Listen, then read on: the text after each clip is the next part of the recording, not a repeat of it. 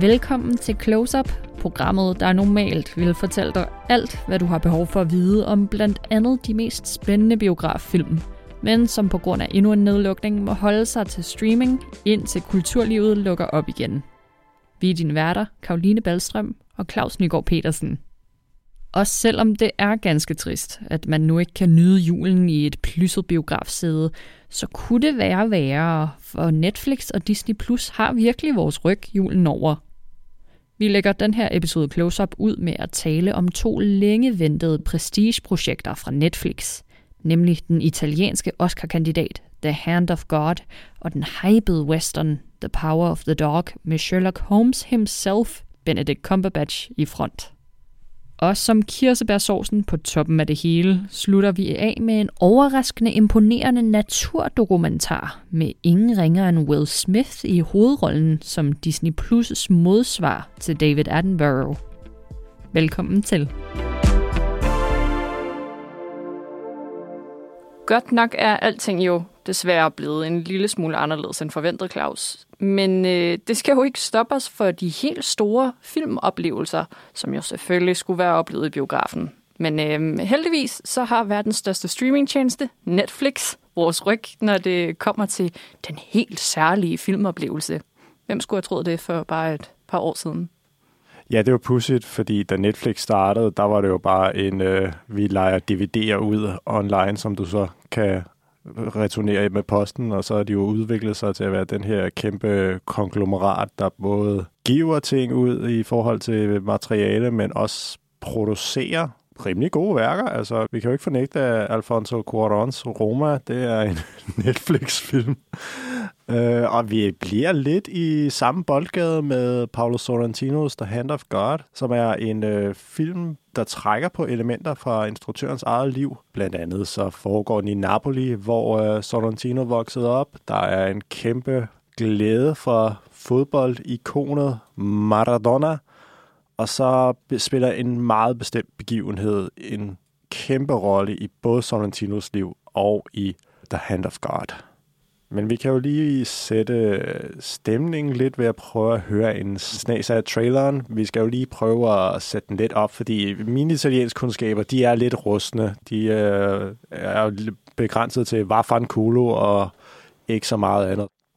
Det, som vi kommer til at høre her, det er først et par fløjten. Det er en slags kærlighedssang, øh, mellem den unge øh, Fabiettos forældre. Øh, Fabietto er lidt en stand-in for Sorrentino i filmen. Og det er en meget øh, atmosfærisk film. Det er en meget levende film. Det er meget lyde, det er meget fornemmelse. Og det vi kommer til at høre, det er, hvordan det her år i Fabiettos liv, det udfolder sig. Hele handlingen foregår over en sæson fodbold. Det starter i starten af fodboldsæsonen og slutter i slutningen af fodboldsæsonen.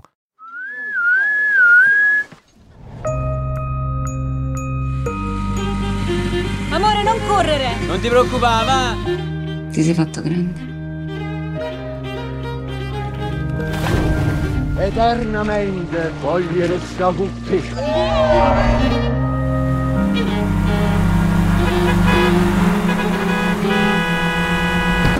Op Fabie! Som man kan høre, så er der en meget dramatisk afslutning på klippet, og det er... Vi må godt sige, hvad der er, der sker. Hans forældre dør. Det bliver afsløret i traileren, at Fabiettos forældre dør.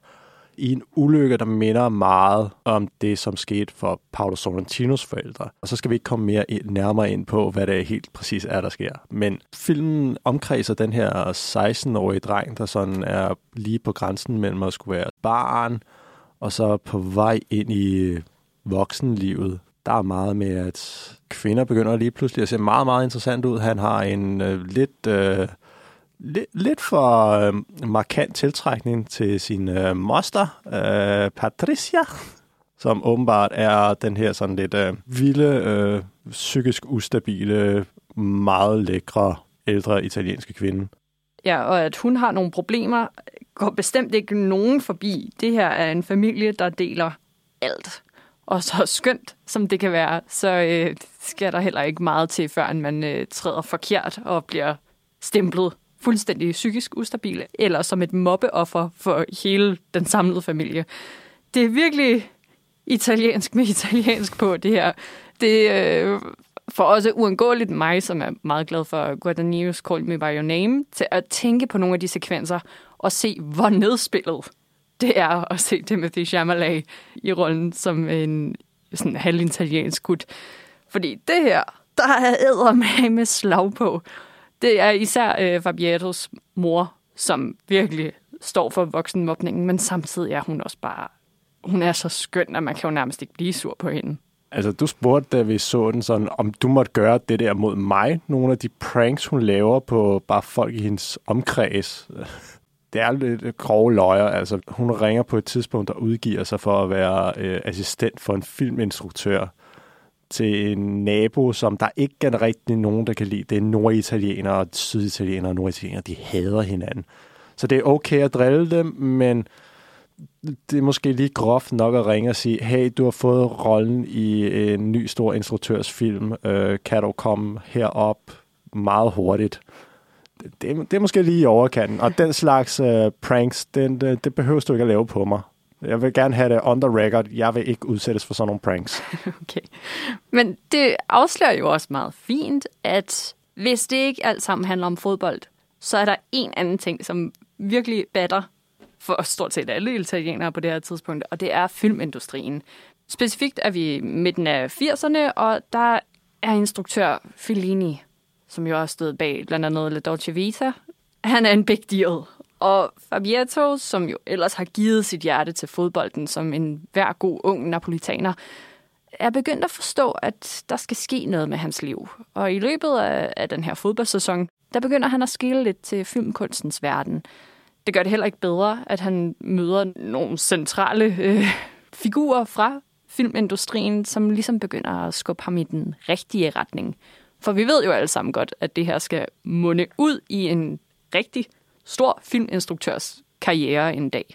På den måde så minder den lidt om uh, Giuseppe Tornatore's uh, øh, Cinema Paradiso, som også er en uh, vækkelse af uh, filmen Kærlighed, det er sjovt at høre Fabietto på et tidspunkt sige, jeg har kun set 3-4 film, men jeg ved, jeg vil være filminstruktør. Der er noget i det, som drager mig. Det er lidt den øh, samme stil, vi er inde i. Men der er jo også en person i det her univers, som vi kan komme udenom, som har måske den største betydning i de sidste 100 år for Napolis øh, selvværd, nemlig Diego Armando Maradona. Den øh, argentinske troldmand, der tog en øh, lille by, eller forholdsvis stor by, og gav dem noget stolthed, som den ikke havde haft før, og bare gjorde, at de kunne give fingeren til de der taglige norditalienere, som hidtil bare har siddet på tronen i italiensk fodbold. Viva Maradona! Ja, det er så her, at jeg bliver den rigtig sunde modvægt i close-up, fordi jeg aner ikke, hvad du snakker om. Det gør jeg nu, fordi jeg har set Hand of God, en dejlig film. Men indtil da ikke. Øj, det er hårdt at trække sig selv op til. Nu skal jeg for det første se en italiensk film. Det er der ikke noget galt i. det er der ikke noget galt i, men det er lige sådan, det er for mig lige noget, jeg skal lige sætte mit mindset til. Den er dybt inspireret af Fellini. Det har jeg personligt ikke noget problem med, men allerede der kan jeg godt begynde at se, at det måske håber sig lidt op for nogen. Ikke? Og så er den motiveret. Fremdriften bunder i en fodboldstjerne, som jeg kun for nylig er begyndt overhovedet at vide eksisterer, fordi han fik nogle... Øh, han der, døde for nylig. han døde for nylig, og det var under mystiske omstændigheder og sådan noget. Og der begynder jeg at vågne lidt op. Men altså, for helvede. At manden scorer et lidt specielt mål for årtier siden. Okay, forklar oh, mig lige. Wow, wow, wow. Diego, El Diego er meget mere end Guds hånd. Hvis vi lige skal sætte op, hvad Guds hånd det refererer til, både filmtitlen og når man bare siger Guds hånd, så handler det om VM-slutrunden i 1986, hvor Argentina, anført af Diego Maradona, fuldstændig smadrede al konkurrence, indtil de nåede semifinalen. Det var mod England, et af verdens bedste hold på det her tidspunkt. England er altid en magtfaktor. De vinder aldrig noget, men de, man tror altid på, at de har en chance. Det er semifinal, alt gælder. Der bliver spillet lidt pingpong, kombinationerne flyder, bolden bliver sendt højt ind over. Diego, en meget lille mand. Han var stort ego, men fysisk ikke særlig høj. Hopper op, prøver at lave et hovedstød. Den engelske målmand kommer ud, skal til at gribe bolden, og så lige pludselig, så kommer der en eller anden bevægelse op omkring Diegos hoved med en arm, så bolden ryger forbi målmanden og ind i mål. Der bliver dømt mål. Argentina får en 1-0. Glæden vil ingen ende tage. Samtlige mennesker i hele verden kan se, at der er hånd på. Og det lød cirka sådan her. Maradona just walked away from Huddle then. To Maradona! And Maradona gives Argentina the lead. And the goal is given. Or was it a use of the hand that England are complaining about? Og det sjove ved det her er, det er, at den her formulering Guds hånd, som det bliver refereret til, det er- kommer fra Diego selv. da han bliver spurgt om, hvad, hvad, hvad skete der? Var der hold på bolden? Så var det, det er Guds hånd. Hvordan målet bliver scoret, det er Guds hånd. Okay. Ja. Jamen, Diego kan- havde lille Lego. Han Det var, havde det, et var, lille Lego. han, det var sundt og lidt mere. Okay. Okay, men selv jeg kan jo godt blive lidt hyped op og klogeligt nok, så tak til øh, Sorrentino for lige at, at putte rigeligt af klip ind af, af det her øjeblik i løbet af Hand of God. Fordi det, det gør ligesom at sådan nogen, som jeg også kan følge med. Jeg føler lige, at jeg bliver nødt til at give Diego en lille oprejsning. Han laver et 2-0-mål i kampen, som er fuldstændig brilliant, hvor han modtager bolden på midten af banen og bare laver et solo raid hele vejen op. Der var du imponeret. Dig, som ikke sådan er super hype på fodbold, du er alligevel sådan, ah, okay, det, det er meget blæret. Ja, jamen, det var, det var cool nok. Jamen, um, okay, så du vil bare godt sige, at det var faktisk fortjent, at Argentina vandt. Ja, Diego var noget særligt på det tidspunkt. Okay, ja. Han er i hvert fald også noget særligt for Fabiato. Og efter forældrenes død, så ændrer hans forhold sig til alt, og også til Diego, og det er en meget smuk rejse at få lov til at følge den her unge gut, som også begynder at blive lidt distraheret af damer, og det falder måske også på et meget godt tidspunkt, når nu man går igennem sådan en omgang sorg. Ja, det er den her genre, som kaldes coming of age, hvor vi går fra et stadie til et andet. Et emne, som øh, Sorrentino tidligere har belyst i blandt andet Den Store Skønhed, som vandt en Oscar i 2013 for bedste øh, udlandske film. Han har en øh, forkærlighed for de her forskellige øh, stadier, som mennesker går igennem på et tidspunkt i deres liv, hvor noget gammelt slutter og noget nyt begynder. Det er samme stil, han er inde i her, men med en meget mere personlig indgangsvinkel, fordi der er noget meget autobiografisk elementer i den her film. Præcis hvilke ting, der er sandt eller falsk i den her film, det er måske ikke helt styr på. Altså, jeg læste et interview, øh, hvor han siger, det meste er sandt. Og det er den her herlige øh, fortæller øh, forklaring på sådan, ja, jeg lyver lidt, men det er op til jer at finde ud af, hvor jeg lyver henne. Det er en dejlig lille drilsk øh, formulering. Nu ser du jo også øh, tidligere Oscar-vinder. Så der fik jeg dig. Der fik du mig. Der Ja. vågnede jeg lige op. Fordi det har han jo chance for at blive igen. Han er meget stærk kandidat til en Best Foreign Picture. Ja. Og det er jo på godt og ondt. Altså, hvis der er noget, akademiet kan lide, så er det sådan noget selvbiografisk. Og vi må give ham, at ham og de italienske referencer, han også trækker på i Hand of God, har enormt meget pondus bag sig. Der er virkelig noget respekt omkring lige præcis den her gren af, af italienere, som han også refererer til i Hand of God. Så det ville måske ikke være så mærkeligt, hvis Hollywood dog godt kan lide film om film, måske bare inkluderet ham i line-uppet af bedste udenlandske film i det kommende forår. Mm, det er også en voldstærk kategori, øh, når man kigger på, hvem der er i kapløbet om at få en endelig nominering. Altså, vi har jo Jonas Power Rasmussens fantastiske flugt, som jo minimum i min optik skal have tre nomineringer. Bedste film, bedste foreign picture og bedste animation. Ja, det kunne godt være Danmarks år. Det kunne være et meget stort år for Danmark. Okay, det synes jeg bare, vi har sagt før. Og så er der alle de andre, som... ja, Der er sådan noget Joachim Trier, hvem fanden er han egentlig? Altså, Stop. The worst person in the world fra Trier. Altså, må vi jo også sige, ligger en smule bedre end flugt, som det ser ud lige nu, men meget kan jo nå at ske nu, og kampagnerne er jo ikke engang rigtig begyndt at rulle. Hold lige fast i den her Oscar-snak, Claus, fordi det kan godt senere i programmet også blive ganske relevant, når vi skal til at tale om den næste Netflix-film. Men det er bare lige en lille teaser tilbage til Hand of God. Alt i alt er det jo en virkelig, virkelig smuk film. Og vi må heller ikke forglemme, at hovedrollen er debutant. Det er Filippo Scotti. Fremragende præstation. Der er meget af hans skuespil i den her, som består i, at han skal ikke sige så meget, men han skal stå og udvise, at der er en masse indre følelser, som kommer ud. Modspillet er hans øh, far, spillet er Sorrentinos hofskuespiller Tony Servilio, en fremragende ældre italiener, som man for et par år siden så i øh, netop Sorrentinos film om øh, Silvio Berlusconi, en øh, lidt alternativ øh, historisk faktuel øh, film. Der, hvis man synes, den her den er begrænset til lidt overdrev, så ja, så skal man se Berlusconi-filmen, og så bliver man introduceret til et helt fuldstændig vildt overdrevet univers. Jeg synes, det er meget sjovt, hvad du lige siger om Filippo Scotti, altså hovedrollen her. Det med, at han skal også bare nogle gange stå og vise med hele sin krop, øh, hvordan han har det i en given situation. Og det er også noget, jeg tænker på undervejs, at der er blevet gjort ham nogle tekniske tjenester for det der med at, at kunne undgå en nær beskæring af et billede, kan nogle gange godt være øh, lidt smart, især når man skal sådan håndtere stor sorg eller noget, så er det en fordel at kunne vise hele kroppen og kunne få lov til at tyre en stol på tværs af lokalet, i stedet for at du der skal give din helt store, nære, stille præstation.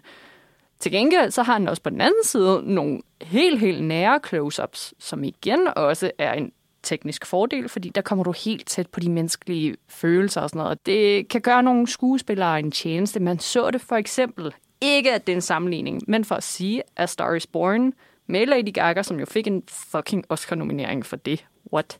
Lyder lidt bitter.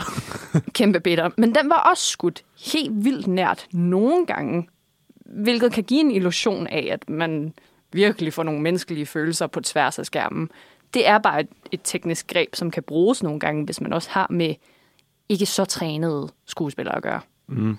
Øh, vil du sige, at der, hvor man kan se forskellen på sådan talent og så godt instruktørarbejde til sådan lige at gøre sin skuespiller en tjeneste, det er ved, hvor lange de indstillinger er. Hvor lang tid er kameraet uafbrudt på en? Ja, ja. Det kan det jo være, men nu må vi også sige, at han gør det bedre end Gaga.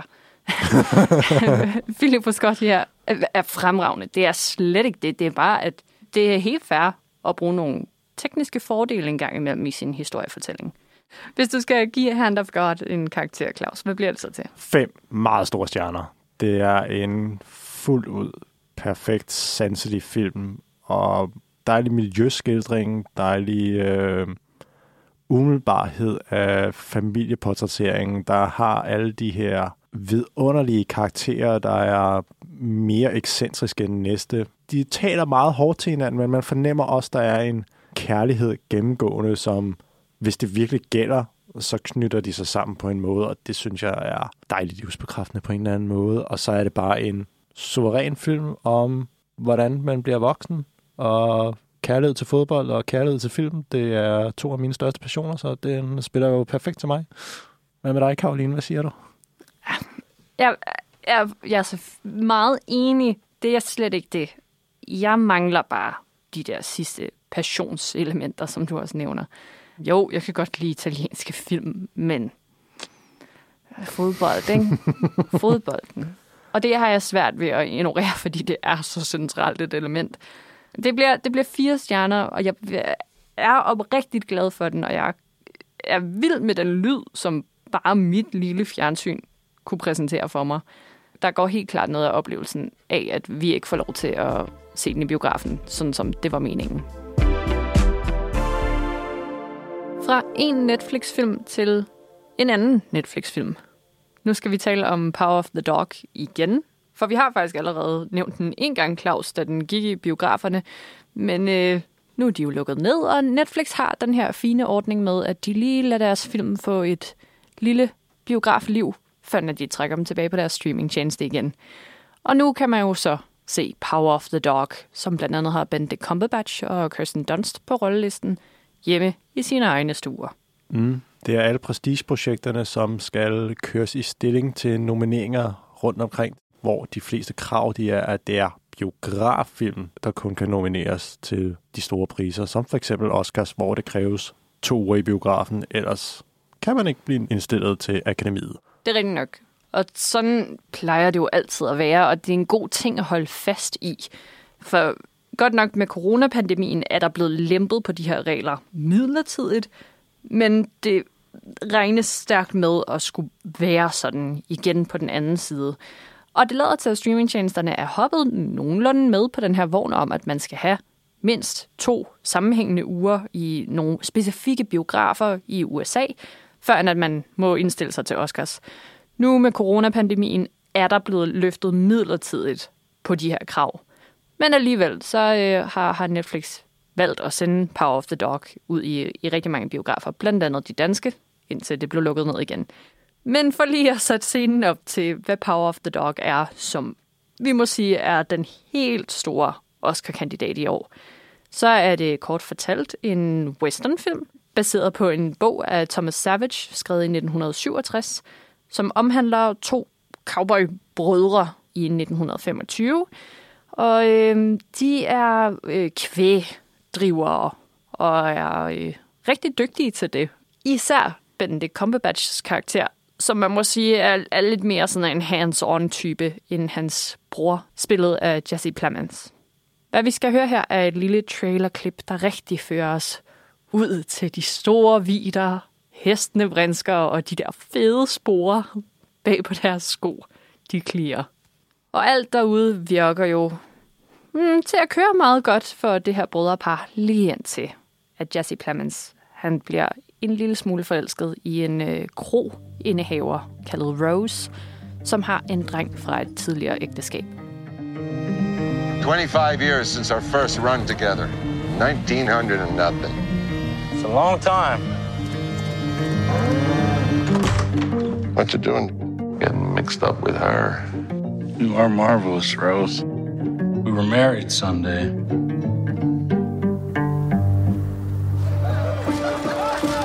It's just a man, Peter.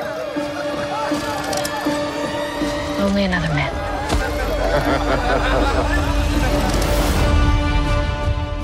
Hvad vi hører her er de to kvægdrivere, Phil og George Burbank, brødreparet, som ellers har været uadskillige lige indtil, at George, Jesse Plemons karakter, han møder den søde Rose. Mm. De er et umage par, George og Phil. Øh, Phil, han er en rigtig mandemand. Altså, du kan næsten høre testosteronen øh, flyde af ham, når han tramper igennem den her Montanas øh, meget hårde jord, mens øh, George, han er, han er en mere hyggelig fyr. Han kan godt tage sig et karbad. Phil, øh, bad, ah, måske til nøds nede i floden, hvis øh, temperaturen er rigtig, ellers så behøves man det ikke. Nej. Benedict Cumberbatch har haft det for vildt med den her rolle som den ekstremt maskuline Phil. Man kan se ham fra miles afstand væk, at det her det er en mand, der mener lige præcis det, han mener, og der er ikke noget, der kommer til at ændre på det. Det er en fornøjelse at se Benedict Cumberbatch og Jesse Plemons i de her clashes, fordi godt nok, så bliver de uenige, og der er bestemt en holdning til, at Plemons han øh, begynder at få sig en kæreste. Men øh, om alting er, så elsker de jo hinanden, de her to brødre. Der er noget rigtig ubehageligt mm, banter imellem dem, særligt foran hele det her crew, som passer på kvægene. Men ja, det er jo bare sådan, jargonen nu engang er, når man er cowboy, åbenbart. Og brødre. Der er jo en helt speciel øh, søskende kommunikation nogle gange, hvor man som udforstående stopper op og tænker, undskyld, hvad var det, du sagde til din bror der? Og det bliver jo særligt sat på en spids, når Rose, spillet af Kirsten Dunst, hun kommer ind i billedet. For hun tager jo øh, sin søn med sig, den hmm, lidt svage er han jo egentlig. Han er jo en bydreng. Det kan han jo ikke gøre for. Han, han, øh, hvordan er det, de kalder ham? De kalder ham Nancy Boy. Ja, Miss Nancy kalder de ham faktisk. De rigtig tavlige, Phil og hans øh, crew. Øh, fordi Roses søn her, Peter, får det bestemt ikke nemt, for den her jargon, som måske ikke kører mellem brødrene, den bliver om noget virkelig også lagt over på ham. Øh, Phil er en rigtig voksen mobber. Og det kan godt være, at du siger, at der kan være sådan lidt øh, søskende rav imellem to nogle gange. Men Phil går over stregen og er meget personlig i sin øh, rimelig hårde verbale kommunikation. Og, og det øh, går virkelig hårdt ud over ham, den unge Peter, som kommer inden fra byen og ikke engang har et par ordentlige støvler. Og det påvirker selvfølgelig også Rose, som i forvejen ikke har et øh, særligt godt forhold til Phil. Nej, Rose er enke efter hendes mand begik selvmord, og nu har været skulle opfostre Peter alene på den her kro inde i en af byerne, som du snakker om. Og Phil er mildest talt ikke glad for at få en ny person ud på deres ranch. Det, som du hensyder til, så kommer der voksenmobning. Nogen vil kalde det psykologisk terror. Han mobber hende blandt andet ved, at hun prøver at øve et øh, musikstykke på klaver, men det fungerer ikke helt for hende. Til gengæld så kan Phil næle det der stykke musik på sin banjo, og derefter så fløjter han det op til flere gange de toner, som hun ikke formår at lave. Det fik mig faktisk til at tænke en lille smule på øh, Fritz Langs M. Den helt, helt gamle, altså sort-hvid film, som er, er en af de første film, man også krediterer for ligesom at bruge lyd aktivt til at fortælle en historie, nemlig ved, at øh, der er en karakter i M, som fløjter en bestemt sang som virkelig også bliver brugt som sådan et psykologisk horror-element. Og det er lidt det samme, som Phil, han kører mod Kirsten Dunst Rose. Øh, det der med at fløjte både ja, det, hun ikke kan præstere, men også og, og ligesom forfølger hende med det. Øh, for der sker også noget ude på prærien med lyden, der bevæger sig på en særlig måde. Så selvom hun tror, at hun kan gemme sig fra ham, så kan han finde hende, og godt nok kan hun ikke se ham, men hun kan høre, at han udmærket godt ved, hvad hun laver lige nu. Det driver den her stakkels kvinde øh, meget, meget langt ud over kanten. Mm. Vi har nærmest to film i spil. Vi har det her øh, typisk cowboy macho med Phil, som et eller andet sted virker som om, han overkompenserer for et eller andet, men vi ved ikke rigtigt, hvad det er, der sker med Phil. Der er et eller andet under overfladen. Vi ser ham ride væk nogle gange, sådan for at være for sig selv. Men hvad der helt nøjagtigt sker i de sammenhæng, det giver for man først rigtig indblik i meget sent i filmen. Og så er der det her psykologiske terrorspil, som er lidt hen af det, vi kender fra gotisk horror med en øh, kvinde, der bliver udsat for et eller andet i et nyt hus. Øh, Crimson Peak, øh, Guillermo del Toros, hvis du kan huske den. Der er lidt af de samme elementer med, at vi har ny person, der flytter ind et sted, og så er der noget ubehageligt, som bare terroriserer. Nu får du nærmest til at lyde lidt som en horrorfilm, og det... Øh, øh ej, det... Det er ikke, det er ikke horror-toner, vi Nej. kører med, men der er elementer af det her psykologiske terror, som måske har lidt inspiration fra andre steder fra. Ja. men det, jeg synes også, det er meget fint, hvad du siger det med, at der er ligesom flere film i den, og det er også fordi, den skifter fokus enormt mange gange, og det gør, at man med også bare forstår de karakterer, man nogle gang øh, møder. Det ligger rimelig meget ud med at, at handle om Jesse Plemons bløde bror-karakter, som møder Rose, og så skifter fokuset over på hende og, og hendes dreng, Peters øh, dynamik, for så til sidst at lande mere over hos Phil og Phils møde med den her svage dreng inden fra byen. Og det er en helt vildt behagelig måde at få gennemarbejdet dem alle sammen på. Øh, og, og man sidder også og ser lidt frem til de interaktioner, som man kan regne ud kommer, fordi nu ved man, hvordan de hver især fungerer, og deres møder bliver bare det er meget mere interessant at følge nu. Mm. Det er det, man typisk vil kalde en stor Hollywood-film. Der er de her store elementer. Vi er ude med noget historisk, vi er ude på prægen, der er noget med noget dekonstruktion af øh, stereotypiske opfattelser. Det er en meget klassisk storfilm på en måde.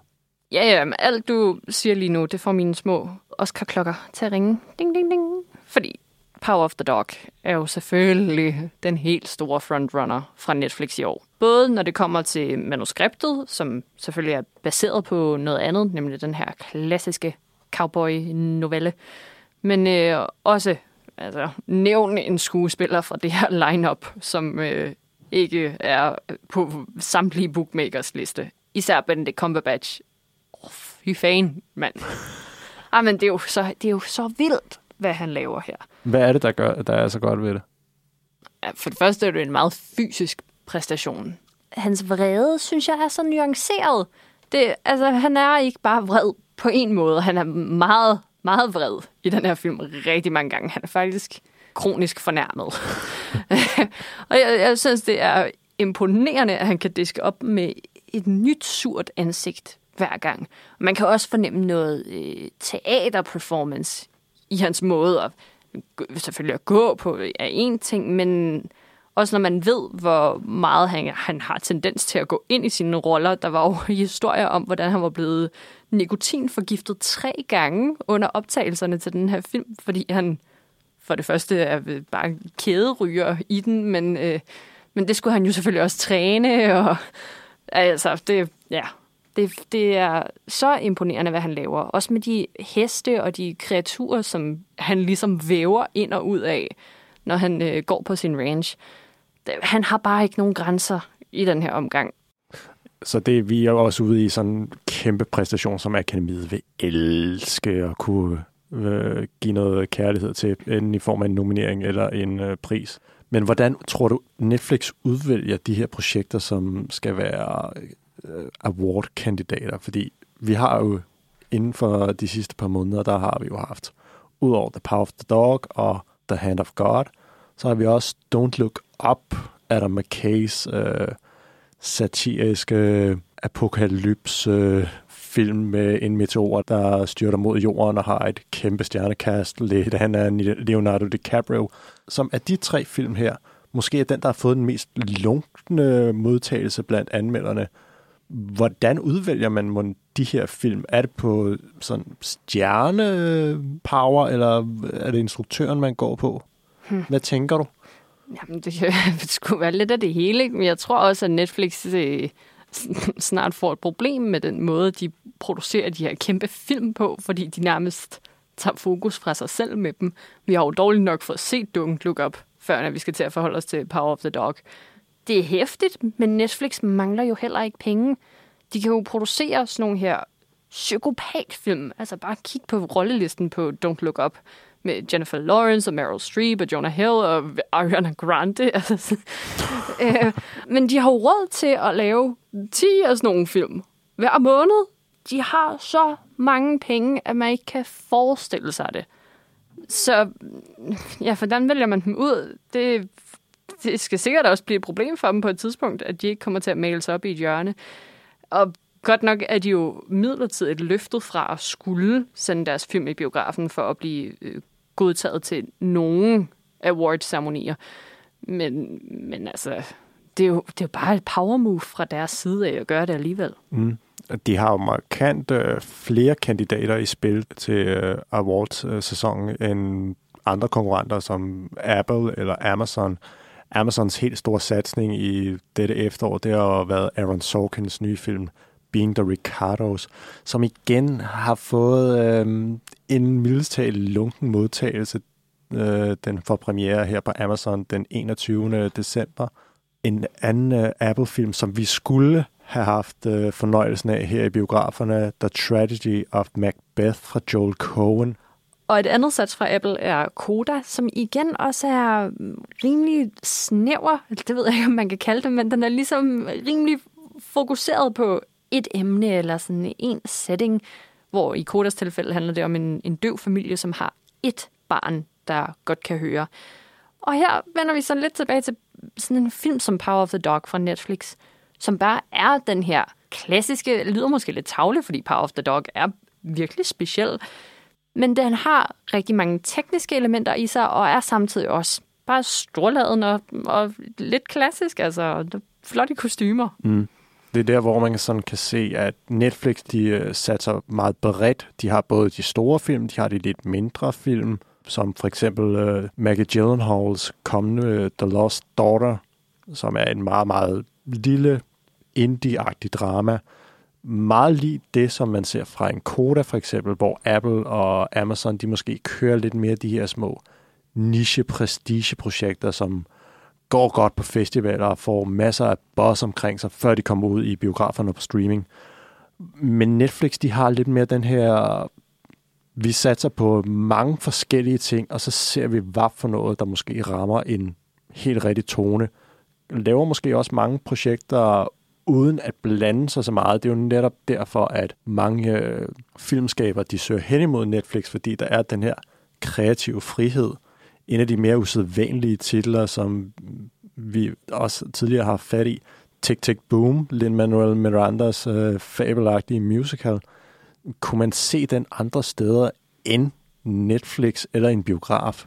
Mm, nej, ikke, ikke på samme måde. Fordi Netflix også, som du siger, netop har meldt ud, at der er frie tøjler herover, og at de tiltrækker sig med vilje de her ekstremt store instruktørnavne især, fordi der er bare ikke nogen grænser hos os at komme, og vi kan få dig også stillet fint i stand til en Oscar, fordi nu har de virkelig fattet de der kampagner, og de har fået lagt deres regler på plads. Så det er et super sikkert sats, hvis man gerne vil lave en skide god film, og gøre det hos Netflix. Og det er interessant. ah, ja. Ah, men det bliver også bare i det hele taget en, en lille smule mærkelig Oscar i år. Det ligner sgu ikke sig selv. Det ja, det, du det. synes, der ser anderledes ud. Hvis man kigger på sådan en top 15, så er det jo i hvert fald to tredjedele, som består af, øh, af streaming-projekter.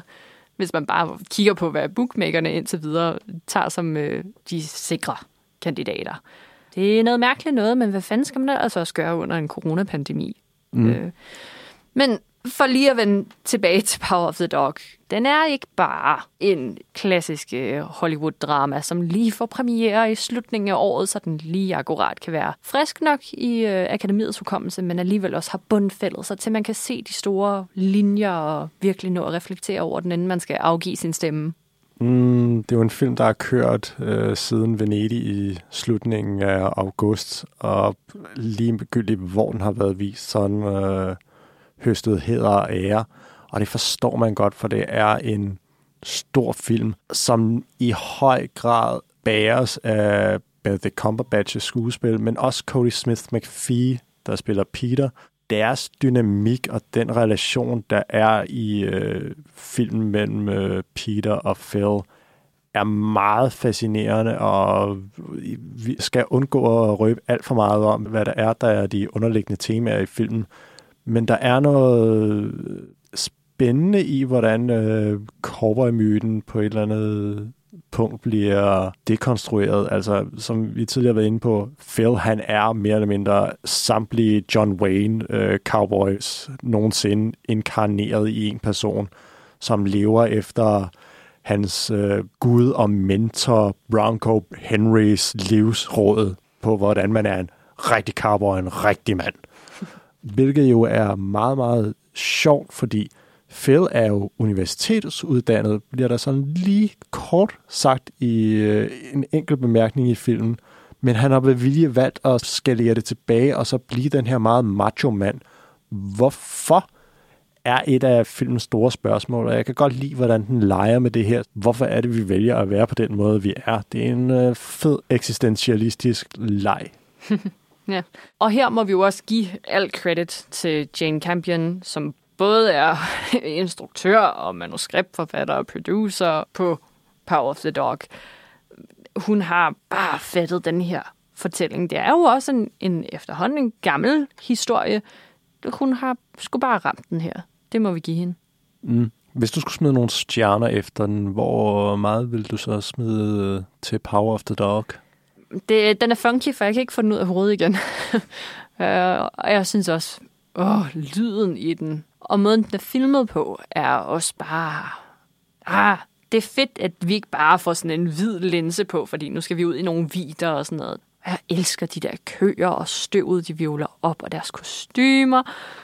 Den siger rigtig meget om rigtig mange ting på forholdsvis kort tid. Det er lige over to timer. Jeg lander på fem stjerner til Power of the Dog, og håber alt det bedste for den i den kommende awardsæson. Ja, og jeg tilslutter mig de fem stjerner. Det var også det, jeg nævnte, da vi kort snakkede om den, da den havde biografpremiere. Det var også øh, fem meget store stjerner til en film, som nok er julens bedste tilbud på streaming, hvis jeg må være så fræk og give den den prædikat.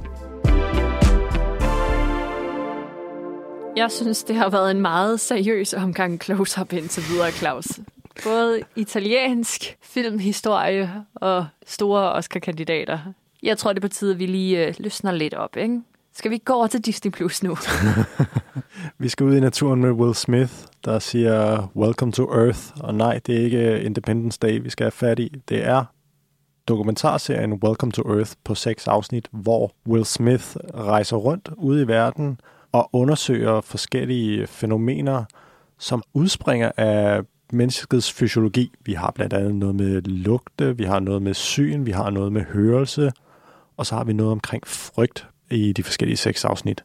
Og den trailer, vi skal høre her nu, lyder desværre præcis som man kunne forvente af en Disney Plus tv-dokumentarserie om jorden med Will Smith i hovedrollen. Det lyder af helvedes til, jeg kan lige så godt sige det. Men bag den her trailer gemmer sig nogle af de mest ekstreme naturbilleder, jeg har set i, i virkelig lang tid. Og hjernen bag det hele er jo Darren Aronofsky, den kendte filminstruktør, som blandt andet har stået bag uh, Requiem for a Dream og The Fountain og Mother med Jennifer Lawrence. Så man skal lige uh, give det lige en chance det her, ikke? Fordi ignorer traileren og ignorer Will Smith, som uh, laver en lille følende introduktion, fordi der er eddermame med noget at hente her, hvis man lige skal komme tilbage til ens rødder og fatte, at vi er en del af noget større. Or is it madness? I've got a confession to make.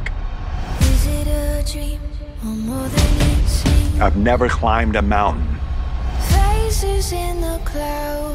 Never swum in a lake. I'm beginning to think that I might be missing something. I asked the best modern day explorers, take me to the ends of the earth. And they said, oh, we can go further than that. Three, two, one, lights off. Uh, ja, den der meget uh, fine præsentation, som vi lavede lige før, den smed Disney lige ud af vinduet med den her trailer. Hold da kæft, mand. Ja, det lyder, det lyder virkelig ikke godt, men det er det, og det er så svært at få kommunikeret, hvor smukt et produkt Welcome to Earth er, fordi det er det virkelig. Men øh, ja, Disney giver os da noget at arbejde med her. Det hele udspringer sig af, siger de, Will Smiths nysgerrighed for øh, endelig at, at forstå den planet, han er del af noget bedre. Og til det så udstyrer de ham med seks forskellige udfordringer. Han skal blandt andet helt ned på havets dyb, og så skal han øh, ja, øh, konfronteres med nogle ganske grænseoverskridende eventyr. Blandt andet sænker han sig selv ned i en vulkan. Og det lyder rimelig ekstremt, det her. Det er det virkelig også. Han er fucking 3.300 feet under havets overflade på et tidspunkt.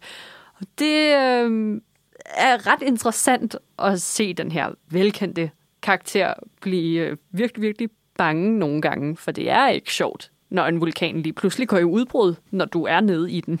Jamen, det er pudsigt, du siger karakter, fordi Will Smith er jo blevet en person i sig selv, så han er en karakter i sig selv. Der er den her altid glade, god for en lille rap, hvis det endelig skulle være, meget upbeat person. Men det bliver meget hurtigt fjernet fra ham, så snart, så snart han får at vide, at den her vulkan, den er aktiv. Du skal sørge for at kigge, hver gang du hører et brag, fordi hvis ikke du kigger, så får du en kæmpe lavasten ned i hovedet, og det dør man af. Det hjælper heller ikke, at øh, lige præcis i den der situation, der begynder eksperten at blive ret nervøs og sige, at øh, det er vist bedst, hvis vi pakker sammen nu, og øh, ej, den der, den kan du bare lade ligge. Vi, vi kommer tilbage efter den på et tidspunkt. Øh, lad os bare se at komme op. um, men de her seks eventyr, som Will Smith kommer ud på, de er forankret omkring en ny person, som han møder hver gang. Og det er ofte meget, meget inspirerende personer, som for eksempel i vulkanafsnittet, hvor Will Smith skal øh, på ekspedition med en blind mand, som øh, ja, ligesom skal fortælle ham om, hvordan man kan opleve verden, selvom man ikke kan se den. Og det er meget, meget interessant at se, hvordan de vælger at bruge naturen til rent faktisk at lære os noget mere om menneskers sanser. For hver eneste episode har en titel, der præsenterer, hvad vi skal være særligt opmærksom på i den her omgang. For eksempel er der øh, en episode dedikeret til lugt, og en anden, som er, dedikeret til mørke og farver. Og den her vulkanepisode, som helt klart er, altså det er virkelig en kronjuvel af en naturepisode. Den handler om lyd, og den lyd, som vulkaner afgiver, som den her blinde mand selvfølgelig reagerer helt vildt meget på, og som han kan lære Will Smith noget mere om. Og det er helt vildt interessant stillet op. Mm. Episoden hedder The Silent Roar og refererer til et af dine yndlingsemner, nemlig infralyd. Yeah. Hvad, hvad er det helt præcis, det er? infralyd, infrasound, er lyd, vi egentlig ikke kan høre, men det er også lidt noget bullshit at sige, fordi vi kan opfange den, selvom vi måske ikke lige kan høre den som en, en tone. Men infrasound er lyden som tsunamier eller øh, store flokke af elefanter, der bræser gennem øh, junglen lige med kurs mod dig, afgiver. Og som vulkaner også lyder som. Det her infrasound er sådan en dyb rumlen, der bare siger, at noget er galt, og at du skal tage benene på nakken. Og det er den her lyd, som øh, Will Smith i The Silent Raw-episoden sådan rimelig slavisk bliver introduceret til, så det også bare giver mening for seere, der måske ikke kender infrasound, som er verdens fedeste ting. Det er dødhamrende imponerende, hvordan narrativet er i den fortælling, at øh, vi bliver ligesom teaset, at der er noget i den her episode, som vi skal holde særligt øje med, men vi forstår ikke helt, hvad det er, og langsomt begynder vi at blive sporet ind på, at der er en lyd her, og at der er noget galt, sådan i gåseøjne, ikke? fordi vi kan ikke høre den, men du burde kunne høre den, og det er faktisk livsnødvendigt, at du kan høre den. Men fordi vi lever det liv, vi gør i dag, med al den larm omkring os, så har mange af os lukket ørerne for et af de her helt basale naturinstinkter, som ellers burde sidde på ryggraden. Det er skide godt fortalt, og enormt livsbekræftende, at der stadig er så meget derude, som man endnu ikke har fået ørerne op for. Og det er ligesom, hvad hele Welcome to Earth kan, nemlig at, præsentere os for ting, som vi allerede har set i sådan nogle naturdokumentarer 100 gange før. Men det bliver fortalt med en ny vinkel, og det er det, der gør, at den virkelig er værd at sætte tænderne i. Mm, det er det, der adskiller den fra andre naturdokumentarer øh, i din mening, fordi nu ved jeg, at du har et øh, lille svagt punkt for netop naturdokumentarer. ja, men, øh, men en klassisk naturdokumentar for mig er jo også en mennesketom dokumentar, hvor vi endelig lidt for sluppet al den ødelæggelse, vi laver på planeten, lige ind til epilogen, hvor man kan se plastikken flyder i havet og alt det der, og vi bliver mindet om, hvor dyrebart det hele er. Men det her er en naturdokumentar taget med udgangspunkt i mennesker, og hvad vi kan ikke nødvendigvis lære, men hvordan vi kan vække os selv lidt. Plus så er det bare, kæft, hvor ser det godt ud, det her. Det forventer man på en måde altid i en naturdokumentar, men det her, det ser jo exceptionelt godt ud. De bedste naturdokumentarer, du kan finde rundt omkring i verden, det er fra National Geographic. Hvis ikke man ved det, så ved man det nu. det er nok. BBC sad på tronen sådan rimelig solid i, i pæn lang tid, ikke? Men National Geographic, de skuffer sgu aldrig. Og BBC er faldet lidt i baggrunden, også fordi Netflix er begyndt at hapse rimelig mange af deres øh, bedste aktører. Så hvis man skal være sikker fra nu af, så er det National Geographic, man skal gå til, som jo selvfølgelig er ejet af Disney-koncernen. Mm. Men så kommer vi ikke udenom den øh, store personlighed i midten af det hele, Will Smith. Han er, jeg synes, han adskiller sig lidt fra de typiske naturdokumentarværter, fordi Will, fordi, han er sgu bange for det hele. Ja, jeg skulle lige sige, fordi han har det der legit panik-element med sig. Han er, han er virkelig presset nogle gange. Mm. Netop det der med, som du beskrev med vulkanen, hvor han står og får det der at vide med at holde øjnene åbne hele tiden. Så snart du hører et brag, kig hen mod kanten, for du skal se, om der kommer noget falde ned i hovedet på dig. Det er sjovt at se, hvordan han reagerer hurtigst af alle mennesker, bare sådan drejer rundt, kigger stift, rører sig ikke, før han har konstateret, at der ikke sker noget.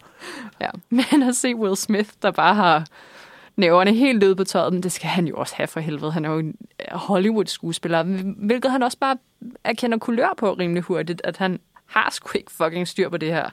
Og han lever bare på, at der er nogle eksperter, der ved mere end ham. Men han siger jo også nogle vildt sjove ting, og han er enormt empatisk. Så også når de kommer ud til nogle forskellige stammer og nogle mindre samfund, har han jo en naturlig karisma, og de kender jo faktisk også ham mm-hmm. nogle gange, øh, og synes jo, det er for fedt at møde sådan en verdensstjerne. Det er en sjov dynamik, og det er skægt at have i baghovedet hele tiden, at det er Darren Aronofsky, som i hvert fald er fremstillet som værende hjernen bag. Han har godt nok kun selv instrueret en enkelt episode, som er den, hvor de dykker dybt, dybt ned i havet. Det står som, at det er hans serie, og det kan man jo mm, på sin vis godt se, at der er, der er virkelig et kreativt element i Welcome to Earth. Ja, i det hele aspektet med, at vi tager udgangspunkt i menneskets fysiologi, og så udforsker det rundt omkring i naturen. Hvis vi vender tilbage til det afsnit, der hedder The Silent Roar, som er forankret i hørelse, så på et tidspunkt, så er der et sektion, som er adskilt fra Will Smiths øh, eskapader med en vulkan, hvor vi rejser til Italien og i Dolomitterne for at kravle ind i bjergene for at opleve fuldkommen stillhed. Så jeg har det hårdt med små øh, pladser. Jeg har lidt klaustrofobi, og det, det, det var ikke behageligt for mig at se dem kravle igennem trange pladser. Du sidder sådan, ej, det er da okay, det der. Der sker ikke noget. Det er da meget farligt at være en vulkan, og jeg er sådan, nej. Ja, det er rigtig nok. Der er netop sådan nogle små sekvenser, som adskiller sig fra Will Smiths historie, og det er et rigtig fint, klogt træk, fordi ellers kunne man også godt risikere at blive en lille smule træt af bare at opleve verden igennem hans til tider lidt hyper persona. Øh, men der er også nogle adskilte sekvenser, som er i sort-hvid, hvor Will Smith eller øh, eksperter eller hans, øh, hans venner i løbet af episoderne, de får lov til at forklare, hvad er det rent faktisk, der foregår lige nu? Hvad er det for et fænomen, vi oplever? Og det bliver trukket helt tilbage i sådan et øh, sort-hvidt skud af dem, der sidder og forklarer. Det er dejligt og meget, meget nemt at forstå og opdele episoderne på den måde. Så alt i alt synes jeg bare, at Welcome to Earth er en treat, som jeg ikke havde set komme. Den har været ude på Disney Plus i noget tid, men den er blevet komplet overset, og det er synd, fordi den kan noget. Det er nok en af de bedste dokumentarserier, jeg har set i år. Naturen er bekræftende i alt dens væsen, og det kan næsten ikke gøre andet end at belønne med fem meget glade stjerner. Ej, hvor ville jeg have ønsket, at jeg havde set den her, da jeg havde corona, fordi det er perfekt ligge i sengen og bare blive glad serie. det er rigtigt. Fem stjerner fra mig også. Det er nemme episoder. Lige på omkring de 40 minutter. Ikke meget mere eller mindre.